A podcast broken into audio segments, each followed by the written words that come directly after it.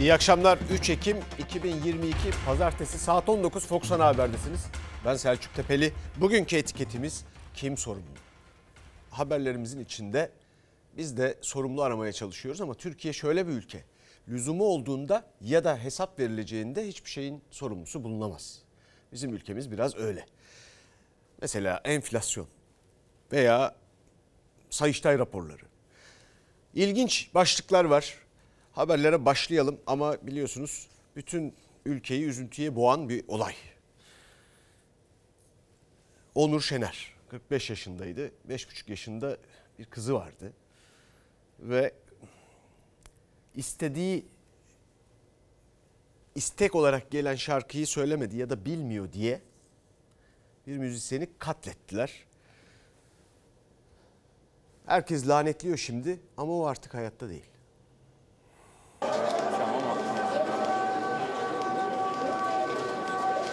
Hiç haber göndermedin o günden beri Yoksa bana küstün mü unuttun mu beni 5 yaşındaki evladından onu ayırdılar. Kızına artık yeni şarkılar söyleyemeyecek. Onu dinlemeye gelenlere ve sevenlerine de müzisyen Onur Şener Ankara Çay Yolu'nda sahne aldığı mekanda istek yapılan şarkıyı bilmediği gerekçesiyle çıkan tartışma sonrası saldırıya uğradı. Hayatını kaybetti. İnsan sevgisiyle dolu bir oğlum vardı. Aslan yürekli, cesur. Bitti oğlum. Çaldılar oğlumu benden erkenden çaldılar.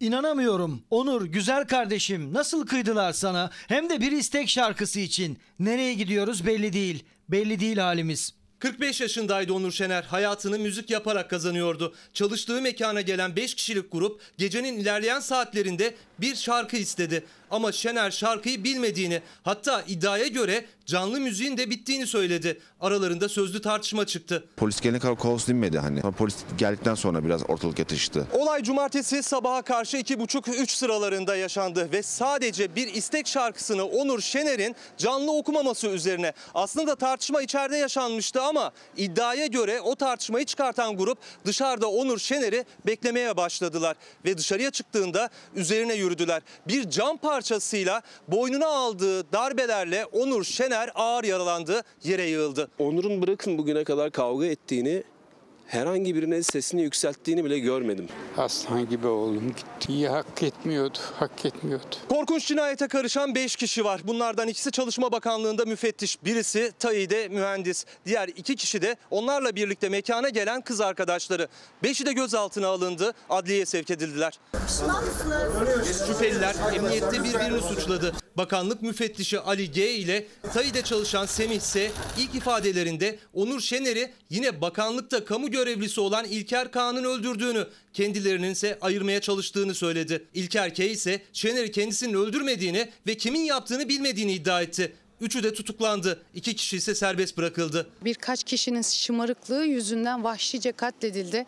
Bu davanın peşini hiçbirimiz bırakmayacağız. Bu konu sadece Onur Şener'i değil tüm gece sahne alan sanatçıların tamamını ilgilendirmektedir. Tüm güvenlik açıklarının ivedilikle giderilmesi gerekmektedir. Mekanların içindeki güvenlik mekanın dışında da olmalı olmalı diye düşünüyorum. Yani müzisyenin can güvenliği müşterilerden daha az olmamalı. Avukatı, müzisyen arkadaşları güvenlik sorununa dikkat çektiler. Olayla ilgili soruşturma devam ederken olay yerini gören güvenlik kameralarının da çalışmadığı iddia edildi. Aşık olduğu bir kız çocuğu vardı. Bu şekilde gitmiş olması inanılır gibi değil. Hani bu bir trafik kazası, bir hastalık falan değil. Bizim arkadaşımız öldürüldü. Dün yine seni andım gözlerim doldu O tatlı günlerimiz bir hayal oldu Müzisyen Onur Şener'den geriye küçük kızıyla geçirdiği güzel vakitlerin görüntüsü, ailesinin, sevenlerinin yüreğinde ise kocaman bir acı kaldı. Görüldüğü anlaşıldığı kadarıyla bu da muhtemelen bir sen benim kim olduğumu biliyor musun cinayeti. Ya bu ülke bu insanlardan, bu çeşit, bu tür insanlardan bıktı. Kaç kere söyledik bunu. Nasıl bir insan tipi yetiştiriliyor? Ve yani olayın vehameti yaşanan olayın vehameti inanılmaz da bütün bunları bir şarkı için istedikleri bir şarkı için yapıyorlar. Sınavdı, mülakattı, devlete, bakanlıklara müfettiş olarak filan aldıkları insanlara bakın. Bu arada da milyonlar KPSS'den sonra işte neyse atanmayı beklesin bu ülkede. Allah rahmet eylesin. Yakınlarının da başı sağ olsun. Bütün müzik camiasının da onlara da Allah kolaylık versin. Efendim şimdi ekonomiye geçiyoruz. Ekonomide enflasyon açıklandı. Enflasyonda 24 yılın rekoru %83.45.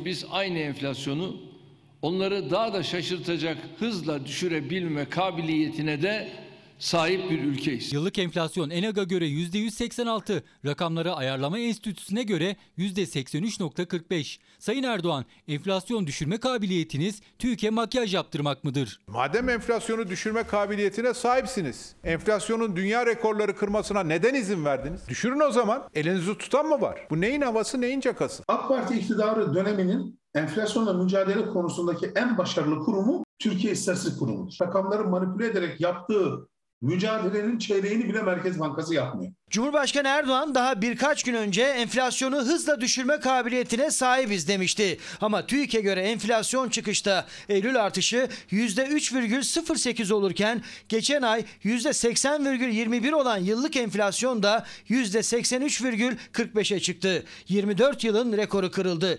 Muhalefet bir kez daha TÜİK rakamlarına odaklandı. Gerçek enflasyon makyajlı TÜİK rakamlarının en az iki katı. Elindeki 100 liranın, 200 liranın, 500 liranın nasıl eridiğini her e, markete gittiğinde görüyor. Bu enflasyon rakamları da Nebati'nin söylediği epistemolojik heterodoks nöroekonomi programının bir sonucudur. Neoklasik ekonomi düşüncesinden epistemolojik bir kopuşu temsil eden heterodoks yaklaşım Vatandaş tencere diyor, onlar heterodoks diyor. Ne dedikleri belli değil. Tüp fiyatları %300 aşmış durumda. Elektrik fiyatları %300 aşmış durumda. Vatandaş onu soruyor. Muhalefet TÜİK'in açıkladığı enflasyon rakamları makyajlı derken bağımsız araştırma grubu ENAK ve İstanbul Ticaret Odası rakamları TÜİK rakamının çok üstünde. Yeni günde konuşan Cumhurbaşkanı ise bir kez daha ekonomimize kurşun sıktılar dedi. İstanbul Ticaret Odası yıllardır bu ülkede enflasyon hesaplaması yapıyor. %107 buluyor. ENAK çalışma grubunun yayınladığı enflasyon %186 düzeyinde. Türkiye dünyadaki en yüksek 6. enflasyona sahip oldu. Bu sinsi saldırıların son mermisi de ekonomimize sıkıldı. TÜİK fiyatlarıyla son bir yılda patates %170.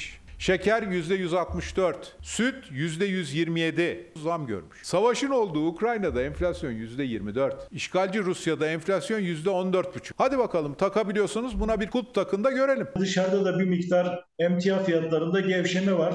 E niye biz aylık %3'ün üzerinde enflasyonla karşı karşıyayız? Küresel gelişmelerin etkisiyle bir süredir etkisini hissettiğimiz enflasyon meselesinin de üstesinden gelerek Eğer Sayın Cumhurbaşkanlığı'nın hızla yapabileceği bir kabiliyeti varsa özellikle üretici fiyatlarında 3 haneli rakamlara kadar taşımayı başarmıştır. Küresel gelişmelere tam ters adımlar atarak enflasyonu düşüremezsiniz. Bunları yapan bir hükümetin enflasyonu düşürebilmesi mümkün mü? Lozan düzeltemez. Cumhurbaşkanı bir kez daha enflasyonun üstesinden geleceğiz dedi ama bu vaat muhalefete göre hiç inandırıcı değil.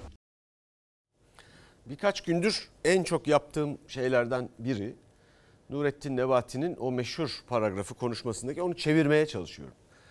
Çeviri yapıyorum yani. Elimden geleni yapıyorum. Soruyor insanlar. Elbette latif bir biçimde soruyorlar. Elbette kinayeyle soruyorlar. Ama bir yandan da anlamaya da çalışıyorlar filan. E çevirdiğin zaman da bir mana çıkıyor mu oradan? Yine de bir mana çıkmıyor. Bir, bir mana çıkmıyor yine de. Çünkü cümle içinde kullansın diye önüne yazılmış. Öyle fiyakalı işte ne bileyim entelektüel görünsün falan diye yazılmış fakat tuhaf. Ve herkesin de dilinde. Herkesin de dilinde. Yani öyle öyle acayip bir bir yandan da kurgu var. Bazen öyle şeyler söylüyor ki gerçekten bunu bir daha söylemesini istiyoruz. Yani birlikte hep birlikte ülkece dinleyeceğiz yani. Bir kere daha söylemesini istiyoruz o paragrafı. Belki belki de açar veya çevirmen de kullanılır. Ama şöyle duruyor karşıdan hem ekonominin haline bakınca hem o söylenenlere bakılınca işte bizim evde epistemoloji var filan gibi bir şey. Yani. Diğer tarafta ne var peki? O süslü cümlelerin yanında bayağı hazırlık gerektiren üstüne çalışılması büyük akademisyenlerimiz de aynı şeyi söylüyor. Üstüne çalışmamız lazım diye söylüyorlar. Yıllık enflasyon TÜİK rakamlarına göre %83.45. ENAG'a göre %186. İstanbul Ticaret Odası'na göre %107. TÜİK'le İstanbul Ticaret Odası'nın da arası açılmaya başladı. Üretici enflasyonu %151. Tamam ihracat filan o kısmı bir kenara bıraksak gene de ileriki zamanlarda enflasyonla ilgili korkutucu şeyler söylüyor bu bize. Ama bütün bunlar için bir de e, Hazine ve Maliye Bakanı'nı biraz anlayabileyim diye David Helfand'ın bir kitabını okudum. Ee, kitap ilginç yani bir bölüm var. Yalanlar, lanetli yalanlar ve istatistikler diye. Arka arkaya pek çok rakam sıralanıyor filan. Neredeyse bunların hiçbiri doğru değil ya da şu anda doğru değil. Cumhurbaşkanı Erdoğan da geçen bir konuşma yaptı. Cumartesi yanlış hatırlamıyorsam. Mesela Türkiye'nin milli gelirinin 1 trilyon dolar sınırına getirdiklerini söyledi. Şu anda 600 milyar dolarlarda filan. O çok eskide kaldı. Bu Cumhurbaşkanlığı yönetim sistemine, hükümet sistemine geçtikten sonra ne kazandıysak kaybettik. Arada da 20 yıl kaybettik bir de insan hayatında. Ama bu arada kimler ne söylüyor bir bakalım.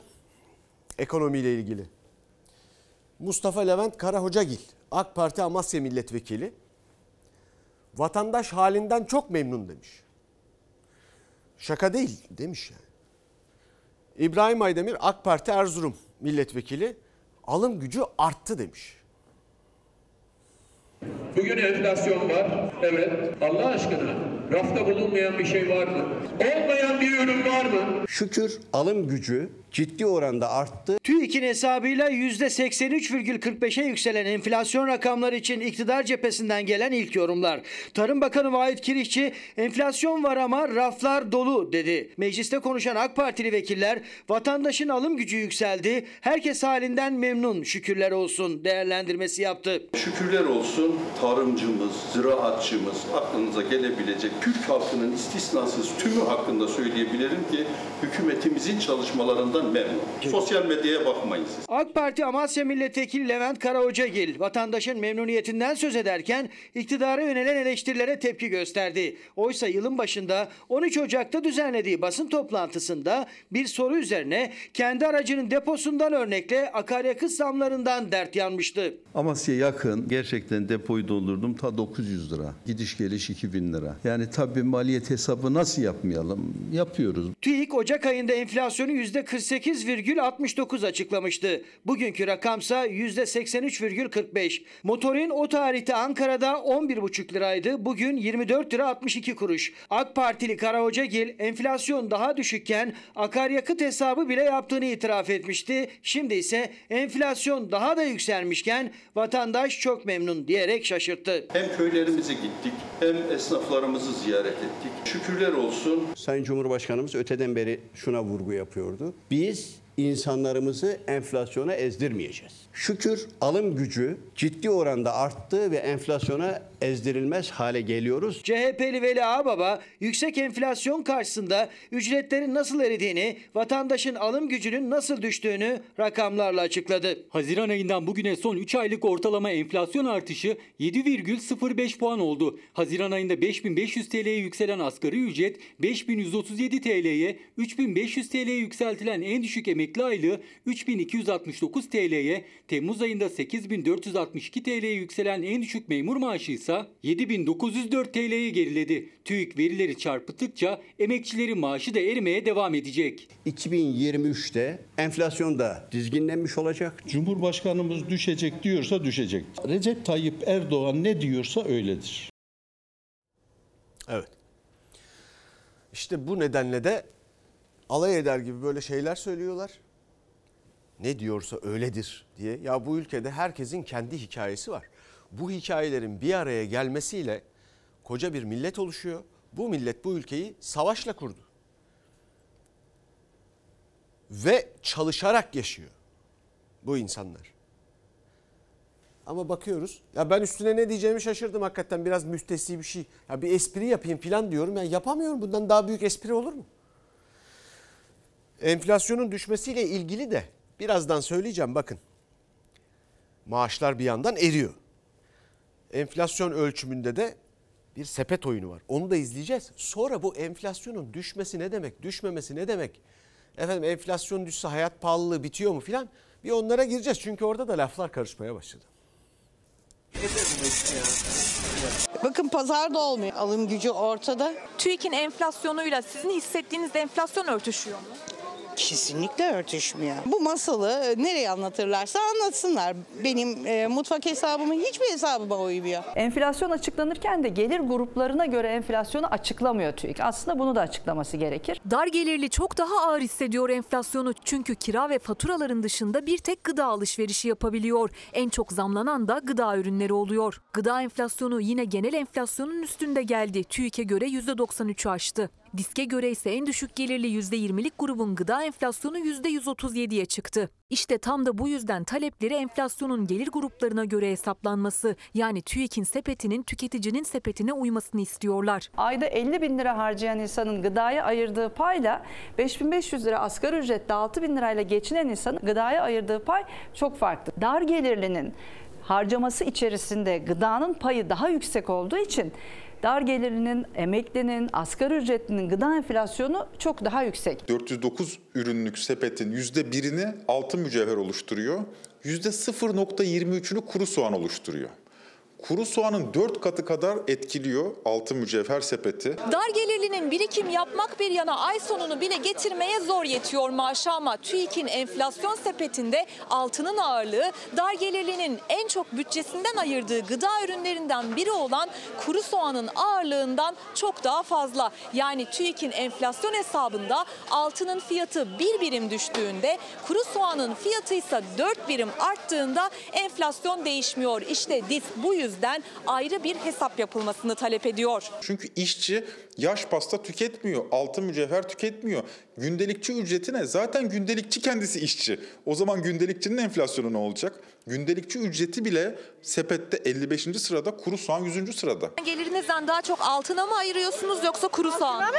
Vallahi biz doğru dürüst et alamıyoruz. Ne altını ya? Altın nereden gelsin? Kuru soğana patatesi nerede uygun bulursam gidip alıyorum. Karnımızı doyursak ona da şükür. Yani gıda ürünlerinin fiyatı artarken TÜİK'in enflasyon sepetindeki ağırlığı daha fazla olan bir başka ürünün fiyatı azaldığı için enflasyon rakamları tüketicinin hissettiği gibi gelmiyor. Maaş zamlarını ise her gelir grubu için TÜİK'in o sepeti belirliyor. Üstüne güncellenmeyen vergi dilimleri de eklenince maaşlar eriyor, alım gücü düşüyor. Ücretli enflasyonu gerçekte çok yüksekken mev- mevcut hesap yöntemi yüzünden enflasyon artmamış gibi görünüyor. Biz altın yemiyoruz, kuru soğan yiyoruz ama işte maalesef. Aman abi kırar kırar yersin. Altının varsa tabii. Ol- olanlar var. Onlar yiyor besbelli. Kendilerine göre de bir sepet ayarlıyorlar. Şimdi bu enflasyon meselesinde son günlerde şu söyleniyor sürekli. Yılbaşına doğru düşecek. Yılbaşında düşecek. Yeni yılda düşecek. İşte ara, yılın son çeyreğinde düşecek filan deniyor. Hükümet kanadından hep bunlar söyleniyor. Burada anlattıkları şey aslında şu. Bu e, Nurettin Nebati, Hazine ve Maliye Bakanı Nurettin Nebati'nin yeni modeli uygulamaya başlamasıyla birlikte filan enflasyon patladı ya. Yani biz e, fiyat istikrarından efendim ya da ne bileyim ben karnımızı doyurmaktan epistemolojik bir kopuş yaşadık ya. Yani ondan sonra işte zaten patlayan enflasyon belli bir noktaya kadar geldi. Şimdi aynı döneme geleceğiz. Aynı dönemde o kadar artmazsa enflasyon, enflasyon düşüyormuş gibi görünecek. Bir şey yapıldığından değil, enflasyonla mücadele edildiğinden değil, enflasyonla mücadele edilmiyor Türkiye'de. Enflasyonla ilgili bir de şunu söylemek lazım ve asla unutmamak lazım. Enflasyonun düşmesi demek hayat pahalılığının düşmesi demek değil. Mesela şu kupanın fiyatı 4 kat arttı. Sonra enflasyon düştü. Bu kupanın fiyatı yine onunla beraber 4 kat aşağı düşmeyecek ya da ne kadar düşüyorsa. O fiyat orada kalacak. Kalacak. Üstüne 4 kat arttı işte %400 enflasyon. Üstüne ne geliyorsa ondan sonra da %200 ise o bu sefer o kadar artacak daha. İnsanların maaşları o derecede artacak mı? İşte artmıyor. Hemen hemen eriyor. Alım gücü artmıyor. Eh esnaf ne yapıyor bu durumda? Esnaf ne yapıyor? Kepen kaçmaya çalışıyorlar ama kepen kaçmak %60 daha zamlandı. 3 ay önce ödüyordum. Ceyran faturası 8-9 bin lira. Şu anda 30 bin lira ceyran faturası ödüyorum. Gaz parasına gelirsen 3500 lira geçen sene ödüyordum. 18-20 bin lira gaz parası ödüyorum. Ceyran su ben buraya ödediğim para dükkanı aç açma. 60 bin lira para. Yani bu Allah'a reva mı ya? Hangi esnaf bunun altından kalksın? Yani %60'da kiraya zam gelirse zaten bütün esnaf dükkanını kapatsın derim ya. Enflasyonun açıklanmasıyla esnafın kira zammı da belli oldu. %59,91. Bu 5 bin liralık kiranın bile 8 bin liraya çıkması demek. Üstelik dükkanın kepengini açarken tek gider kira da değil. Faturalar da zamlı. Elektriğe %30, doğalgaza ise %47,6 zam gelmişti. O zamlar da faturalardaki yerini aldı. %10'u bile karşılayacak durumumuz yok. Zaten kiramızın inmesi gerekiyor. İş yapamayınca daha da inmesi gerekirken yani artması ne demek yani? Esnaf şayet bu şekilde yüzde 60 kesinlikle olacaksa zaten şimdiden söylüyorum bütün esnaf dükkanının kepengini kapatır. Öyle bir para kazanamıyor esnaf. Esnaf Muhammed Bey bugüne kadar karşılaştığı en yüksek faturalarla karşılaştı. Daha kışın başında ısınma maliyeti de yok. Gelen doğalgaz ve elektrik faturalarının toplam maliyeti 52.368. Evet faturalar da burada. İncelemek isteyen kişiler inceleyebilir beyler. Burada yalan yok, dolan yok. Halkı biraz düşünmek lazım, esnafı biraz düşünmek lazım. Her gün standart yaktığım elektriği yakıyorum. Her gün standart kullandığım gazı kullanıyorum. Daha kış gelmedi canım. Kış geldiği zaman bu 30-35'i de bulacak yani. Konutlarda kira zammına %25 sınırı getirilmişti ancak dükkanlarda böyle bir sınır yok. Bu ay sözleşmesi yenilenen esnaf %60 zamlı ödeyecek kirasını. E, nasıl ödeyeceğiz? Bir kirayla bir elektriği karşılarsa aynı dengeye geliyor şu anda. Ensaf olarak zaten zor durumdayız. Şu anda e, insanlar geliyor zam yapamıyoruz. Zam yaptığım zaman e, çok tepki görüyoruz. 15 lira elektrik parası geliyor. 15 bin lira mı geldi elektrik? 13 küsür geldi bu ay. Yani gittikçe artıyor. Kış geldikçe daha çok artıyor. Elektriksiz hiçbir şey olamaz. Açamazsın dükkanı. Kepeğini bile açamıyorsun. Her şey elektriğe bağlı. Yani öyle bir para kazancı esnafta yok. Esnaf zaten sıkıntıdadır. Süt ürünlerine bugün itibariyle %15 daha zam geldi. Geçen hafta aldığım pirinç 22,5 liraya şimdi 27 lira oldu. Kuru fasulye alıyordun 35 liraya şimdi 60 lira oldu toptan fiyatı. Bir yanda artan giderler, diğer yanda ise tüketicinin düşen alım gücü. Daha az iş yapıp daha yüksek kira ve fatura ödemesi bekleniyor esnaftan. İşin içinden çıkamıyorlar. Ciromuz düşüyor, kiramız artıyor e, işimiz düşüyor, elektrik faturası artıyor. E, eleman maaşı artıyor ama işler habire düşüyor. E, çıkamıyoruz anlamıyorum ben. Ben de bazen şaşırıyorum biz nasıl iş yapıyoruz, nasıl ayakta duruyoruz diye. Kıymetli izleyicilerimizden gelen mesajlardan paylaşalım. Ee, bir izleyicimiz demiş ki biliyorsunuz kim sorumlu diye e, etiketimizi açıklamıştık. Bir izleyicimiz diyor ki hiç kimse. Bir başka izleyicimiz de hepimiz sorumluyuz demiş. Ee, bu arada çok hakikaten e, hayatını kaybeden katledilen müzisyenle ilgili çok sayıda mesaj var. Herkes şok olmuş durumda. Bugün çarşı pazar market fiyatları uçmuş fiyatları görünce gözlerde ışıltı değil şimşekler çakıyor demiş. Biz de devam ediyoruz şimdi. O şimşekleri yine çaktırabilecek başka bir haber var sırada. Sayıştay 2021 yılı denetim raporlarını açıklamaya başladı sadece iki kurumdan o rapora düşenler yani iki kurumun denetiminden çıkanlar bize ne söylüyor biliyor musunuz? 55 milyar lira yok. Uçmuş. Nereye gittiği belli değil. işten çıkartıldım. Ben de iş kura geldim en azından 6-7 ay maaşımı alabilirim burada belki. İşçinin parasının işçiye verilmesi gerekirken işverenlere de teşvik ve destek adı altında para ödenirken Bunlardan da ziyade ayrıca da bilmediğimiz bir yerlere de bu para gidiyor. İşsizlik ödeneği için gelmiştim. Ne zaman çıktınız işten? Bu ayın e, sonunda cuma günü çıkmıştım. İşsizler bir umut işsizlik maaşı için başvuruyor ama her çalışandan para kesilmesine rağmen her işsize maaş bağlanmıyor. O paranın toplandığı işsizlik sigortası fonundansa yaklaşık 29 milyar liranın kaybolduğu ortaya çıktı. Sayıştay raporuna göre sadece 2021 yılında 12 milyar liralık açık var. Yani günde 33 milyon lira. İşsizlik maaşı ödemesi ise aynı yıl 5,5 milyar lirada kaldı. Sayıştay raporları da diyor ki toplamda 12 milyar yani eski parayla 12 katrilyon gibi bir açık gözüküyor. Bu giderlerin fatura bazında, ödeme bazında kalem kalem nerelere gittiğini bizim görmemiz mümkün değil. Sayıştay raporuna göre işsizlik fonundan aktarılan paranın bir kısmı kayıp. 12 milyar liranın akıbeti bilinmiyor. Akıbeti bilinen tek şey bu fondan aktarılan işsizlere yapılan ödeme 5 milyar lira. Yani kaybolan son dönem parasının da kat be kat altında. Nereye gitmiş olabilir bu paralar? Nereye gitti belli ya. İşsizlik sigortası fonunun amacı işsiz kalanlara aylık işsizlik maaşı vermekten ziyade fon işverenlere destek ve teşvik amaçlı bir fon haline geldi. Sayıştay'ın peşine düştüğü milyarlarca lira bir yana yılın ilk 8 ayında işsize 7 milyar 860 milyon lira, işverene ise teşvik adı altında 15 milyar 830 milyon lira ödeme yapıldı. İşverenlerin fondan yararlanabilmesi için danışmanlık şirketleri bile var. Biz danışman şirketiyiz. Ee, işte firmaların bu teşvikleri oluyor. Onlarla ilgili evrak bırakıyoruz. Yani İşkur'dan ödenek alıyorsun. Ödeneği işveren alıyor. Biz de onlarla ilgili destek oluyoruz. İşkur aslında işsize ödenek vermesi gereken kurum. Ee, öyle ama İşkur aynı zamanda şey, işverenlerin de e, işte iş alımında, işçi alımında da destek oluyor. Bir diğer Sayıştay raporu ise SGK'ya ilişkin. Hastanelere aktarılan 81 milyar liranın 42 milyar 300 milyon lirasının nereye harcandığı bilinmiyor. Yani Sayıştay raporlarındaki sadece bu iki kalem işsizlik fonu ve hastanelere aktarılan para 2021 yılında toplamda 55 milyar liranın buhar olduğunu ortaya koyuyor. Bu aradaki fark 14 adet şehir hastanesinin kira ve diğer müşteri garantili hizmet bedelleri için kullanılıp kullanılmadığı belli değildir.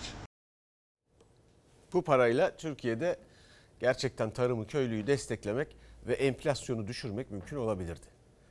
Ama bu para nereye gidiyor? Kamuda tasarruf filan.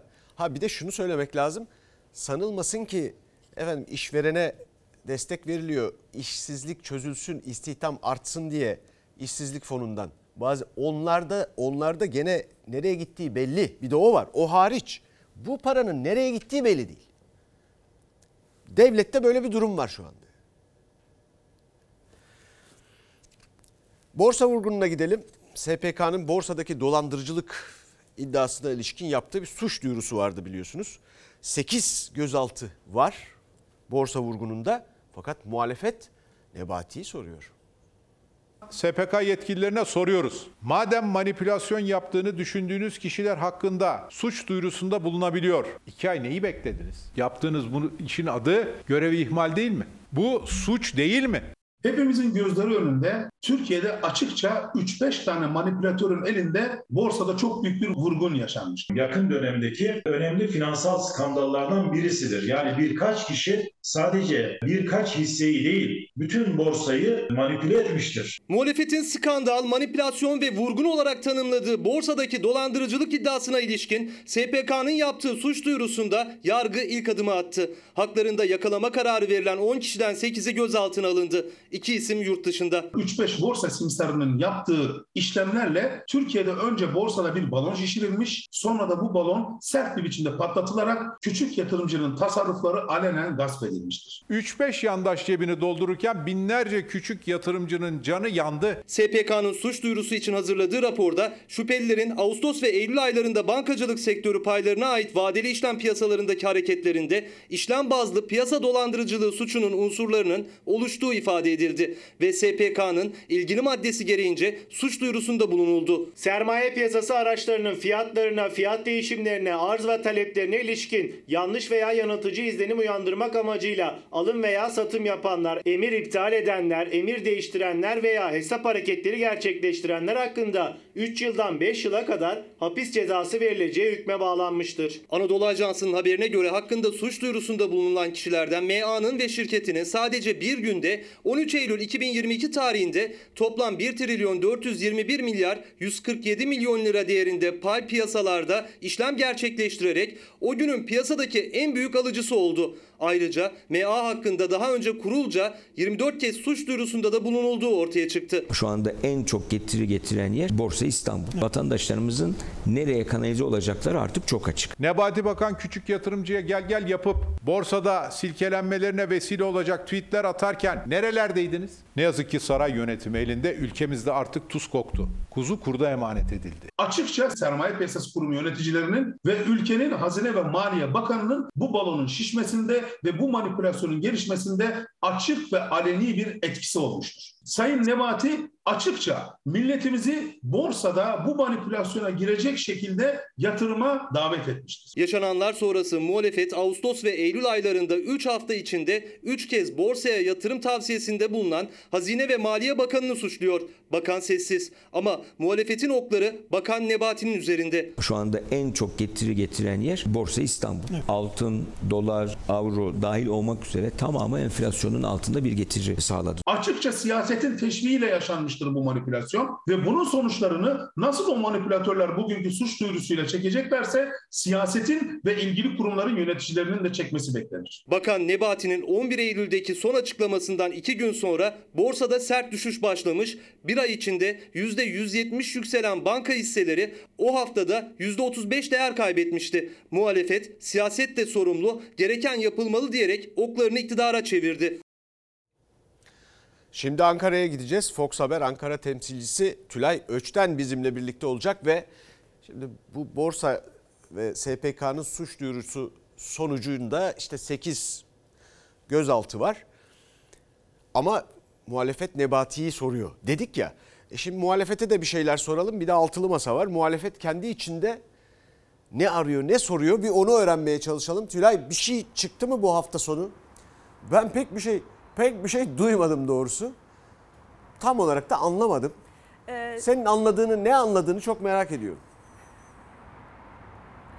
Selçuk hemen altılı masaya geçeceğim ama az önceki haberimizle ilgili e, bugün e, muhalefet Nebati sürekli Bakan Nebati sürekli dile getiriyorlar ama bununla ilgili ne yapacaksınız diye e, birkaç nabız yokladık. CHP bir hafta önce daha doğrusu borsadaki vurgun ve spekülasyonlarla ilgili e, bu iddialar ortaya çıkarıldıktan sonra bir araştırma önergesi hazırlığına başlamıştı. Ancak SPK'nın e, bugünkü hamlesinden sonra o araştırma önergesi yeniden revize ediliyor. Nebati'nin Bakan Nebati'nin söyledikleri borsa iyi yatırım aracıdır şeklindeki sözlerini de başa çekerek ve daha sonra bu e, borsadaki vurgun iddialarının bürokratlara da uzanacak şekilde biraz daha genişleterek bir araştırma önergesi hazırlayacaklar. Şu anda MYK toplantısı vardı CHP'de. Ona son şekli verilecek ve önümüzdeki hafta ya da haftalarda bu konu gündeme gelecek. Siyasetin gündemine gelecek.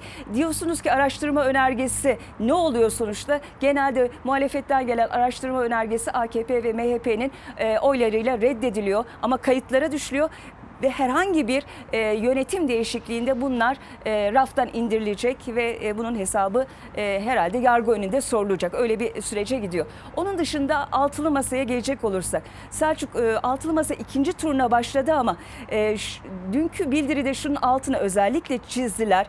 Hem e, seçim takviminin zamanı daraldı hem e, kamuoyunda artan beklentilerin bilincindeyiz ve biz bu nedenle çalışmalarımızı hızlandıracağız dediler. Ortak aday vurgusu yapıldı, ortak e, program vurgusu yapıldı, ortak çalışma grubu, ortak taahhütler. Yani dün tekrar e, ortaklaştılar, hedeflerde ortaklaştılar ve Ha, daha Tülay, hızlı bir, Tülay, e, şey- sürecin... bir şey, bir şey e, sorabilir ha, miyim? Evet. Şimdi Tabii ki. bu, bu toplantılarla ilgili ta en başında şunu söylemiştim.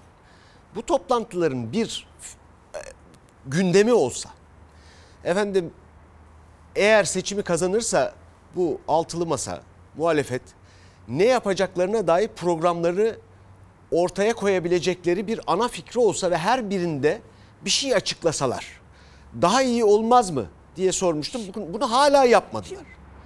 Bu konuda ne düşünüyorsun?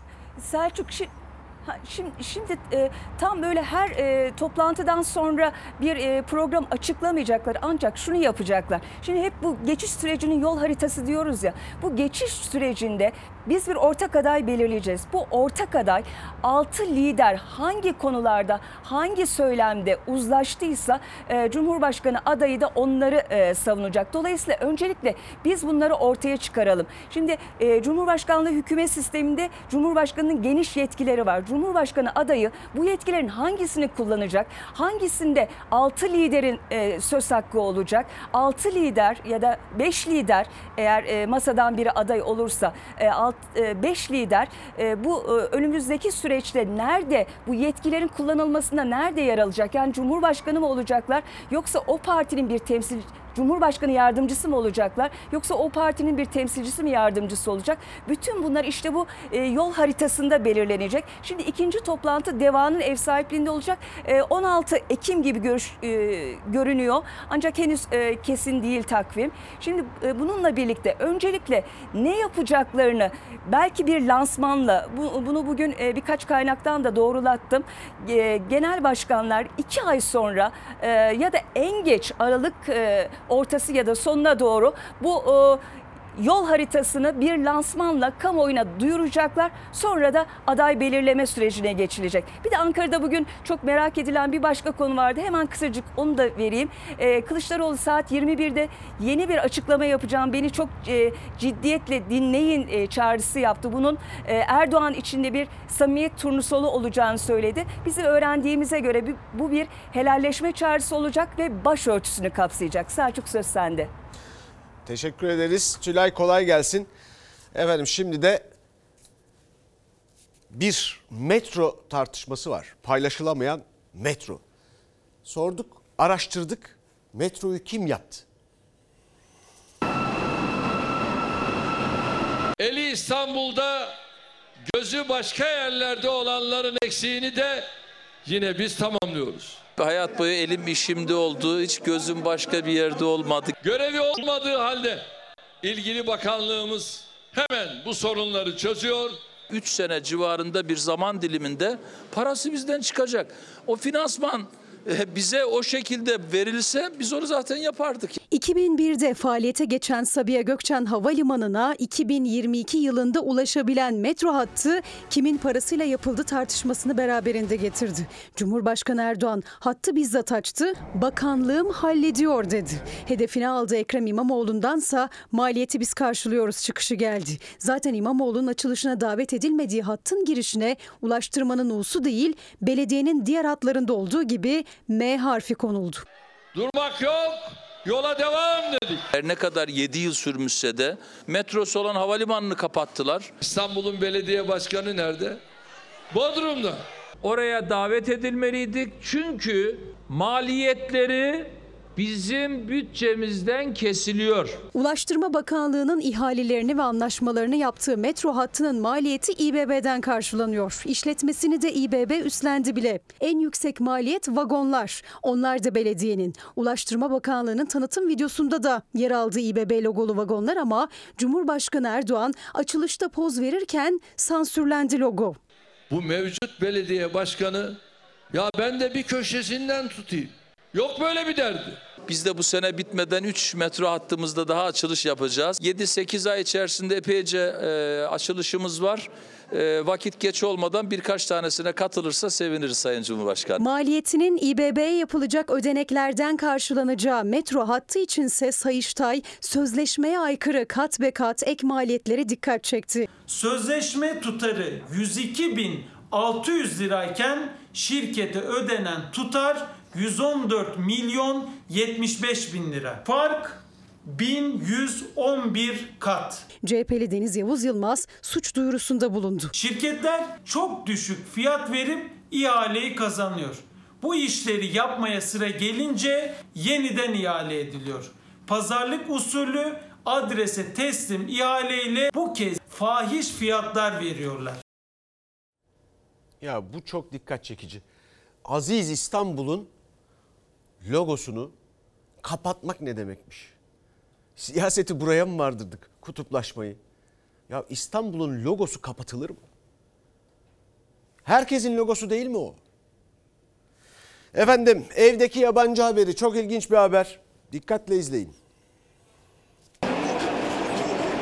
Çankaya'da kızımın arkadaşı oturdukları eve iki tane Suriyelinin kayıtlı olduklarını söylediler. Biz de dedim ki nüfus müdürlüğüne gidin müracaat edin dedim. Daha önce Evet. kızımla yaşıyordum. Evet. Kızım evlendi, yalnızım. Bugün öğrendik doğru. Ha. Biri daha varmış. Ha, şimdi e, onu nüfusta zikrettik. Dilekçe verdik nüfusa. Sahtekar biri var herhalde. 85 yaşındaki Ali Uğur Çiçeği kızıyla birlikte bir telaş nüfus müdürlüğüne götüren hanesine kayıtlı hiç tanımadığı bir isim. Son zamanlarda aynı iddia sosyal medyada ya da telefonlardaki toplu mesajlarda paylaşılıyor sık sık. Evimde bir yabancı kayıtlı diyenler uyarıyor. Ben de iddiaların aslı asları var mı diye E-Devlet'e girdim ve bir de baktık ki eşimle benim dışımızda hanemizde bir kişi daha görünüyor. Adından soyadından yabancı uyruklu olduğunu düşündüğüm bir kişi. Hemen bağlı bulunduğumuz Çankaya Nüfus Müdürlüğü'ne geldik. Bir dilekçe verdik.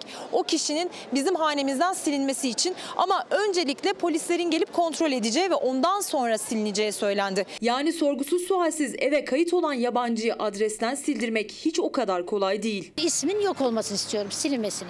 Buraya gelmemin maksadı gayrimeşru bir talebi olan adam olabilir. Zor durumda kalırız diye geldik. Evdeki yabancının adres tipinde diğer adres yazıyor. İçişleri Bakanlığı Nüfus ve Vatandaşlık İşleri Genel Müdürlüğü'nde sıkça sorulan sorularda tanımı net aslında diğer adresin.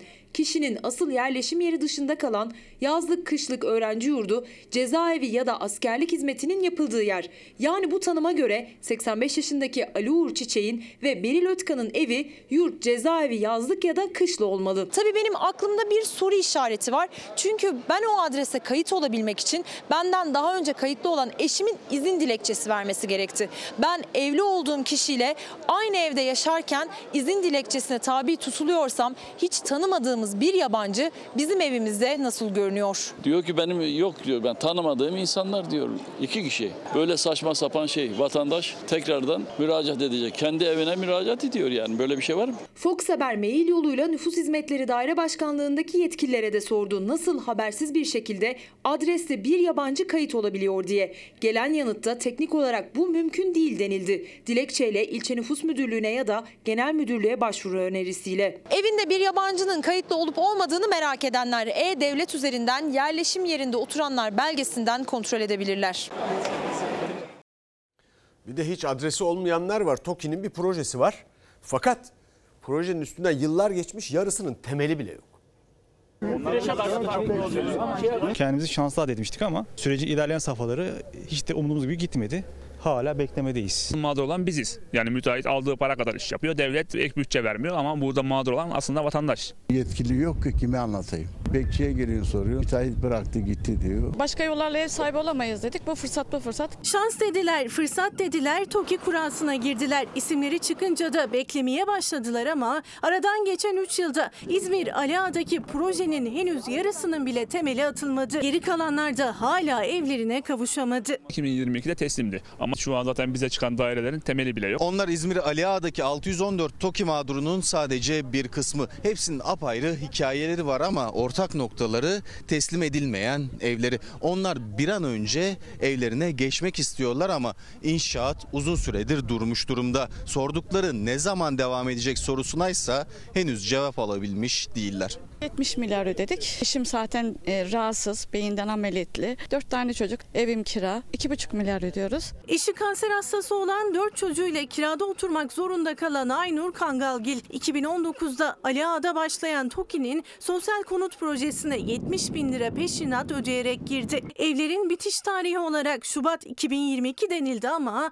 vaatler tabelada kaldı. TOKİ ne diyor size? Şu numarayı arayın, bilgi alın. Arıyorum, çalıyor, çalıyor, açan yok. Üçüncü oğlumu maddi sıkıntılarımdan dolayı üniversiteye gönderemedim. Da hakkına girdiler. Ülkemizin 81 vilayetinde 100 bin sosyal konutunda inşaat sürecini başlatıyoruz. Bir ila bir buçuk yıl içinde sahiplerine teslim edeceğiz. 614 konut için 2019 yılında kurallar çekildi, hak sahipleri belirlendi. 2020'nin Mart ayında ihalesi yapıldı inşaatın. 2022 Şubat ayında da bitmesi bekleniyordu. Ama yaklaşık 10 aydır inşaatta çivi bile çakılmadı. Şimdi benim hiçbir şeyim yok. Gece kondu evimiz var. 30.500 lira para verdik. Evi istimlak edildiği için 33 yıldır gece konduda yaşayan 78 yaşındaki Mustafa Topuz'da elinde avucunda ne varsa bir araya getirip 2 artı bir evin peşinatı için verdi. Tek hayali torunu ve kızıyla beraber yeni evlerinde yaşamaktı ama hayalleri de TOKİ projesi gibi yarım kaldı. En büyük hayalimiz çocuklarımla burada baş başa kalmak. Parkta gidip torunumla oturup Müteahhit projenin inşaatına başladı sadece %20'sini tamamlayabildi. 13 bina kaba inşaatta kaldı diğerlerinin ise temelleri kazıldı. İnşaat malzemeleri ise inşaatın durduğu günden bu yana dışarıda bekliyor. İnşaatta kullanılacak demirler pas içinde. Belediye bakanlığı atıyor. Bakanlık olacak bekleyin diyorlar. Artı ben dolarla borçlandım. %25'ti galiba yanlış hatırlamıyorsam peşinat ödedik. 32 bin gibi bir şey ödedim. Borcu aldığım zaman dolar 11 küsürdü. Şu an 20'ye yaklaştı. Dolarla borç alıp peşinat ödeyen de var. Aracını satıp TOKİ projesine giren de İzmir Ali Ağa'da TOKİ mağdurları peşinatını ödedikleri evleri yerinde sayarken kira ödemeye devam ediyor. Toplamda 410 gibi bir para ödedim. 2022'de biteceğini düşünerek elimizde avucumuzda ne vardı sattık, arabamızı sattık. Ee, sonra kredi çektik ve buranın borcunu kapattık. Şu an üzerine biz hem kira ödüyoruz, hem kredi ödüyoruz, hem de arabamızdan olmuş olduk. Birazdan buradayız. Etiketimizde kim sorumlu demiştik. Bir izleyicimiz, kıymetli izleyicimiz patron bizsek biz sorumluyuz demiş. Ee, sorumluluğu var. Patron olmak kolay değil. Doğru. Ama bunu asla unutmayın. Patron sizsiniz. Sizin vergilerinizle artık ne kadar verimli kullanıyorlarsa bütün yapılanlar, edilenler sizin vergilerinizle ilgili. Patron sizsiniz. Patron hepimiziz. Dahası da var. Arı biziz, bal bizdedir. Bunu unutmayın. Yasak Elma yeni bölümüyle karşınızda olacak. Yarın görüşmek üzere. İyi akşamlar.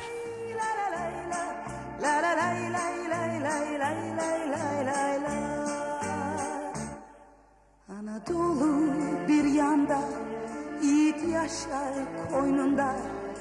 Aşıklar destan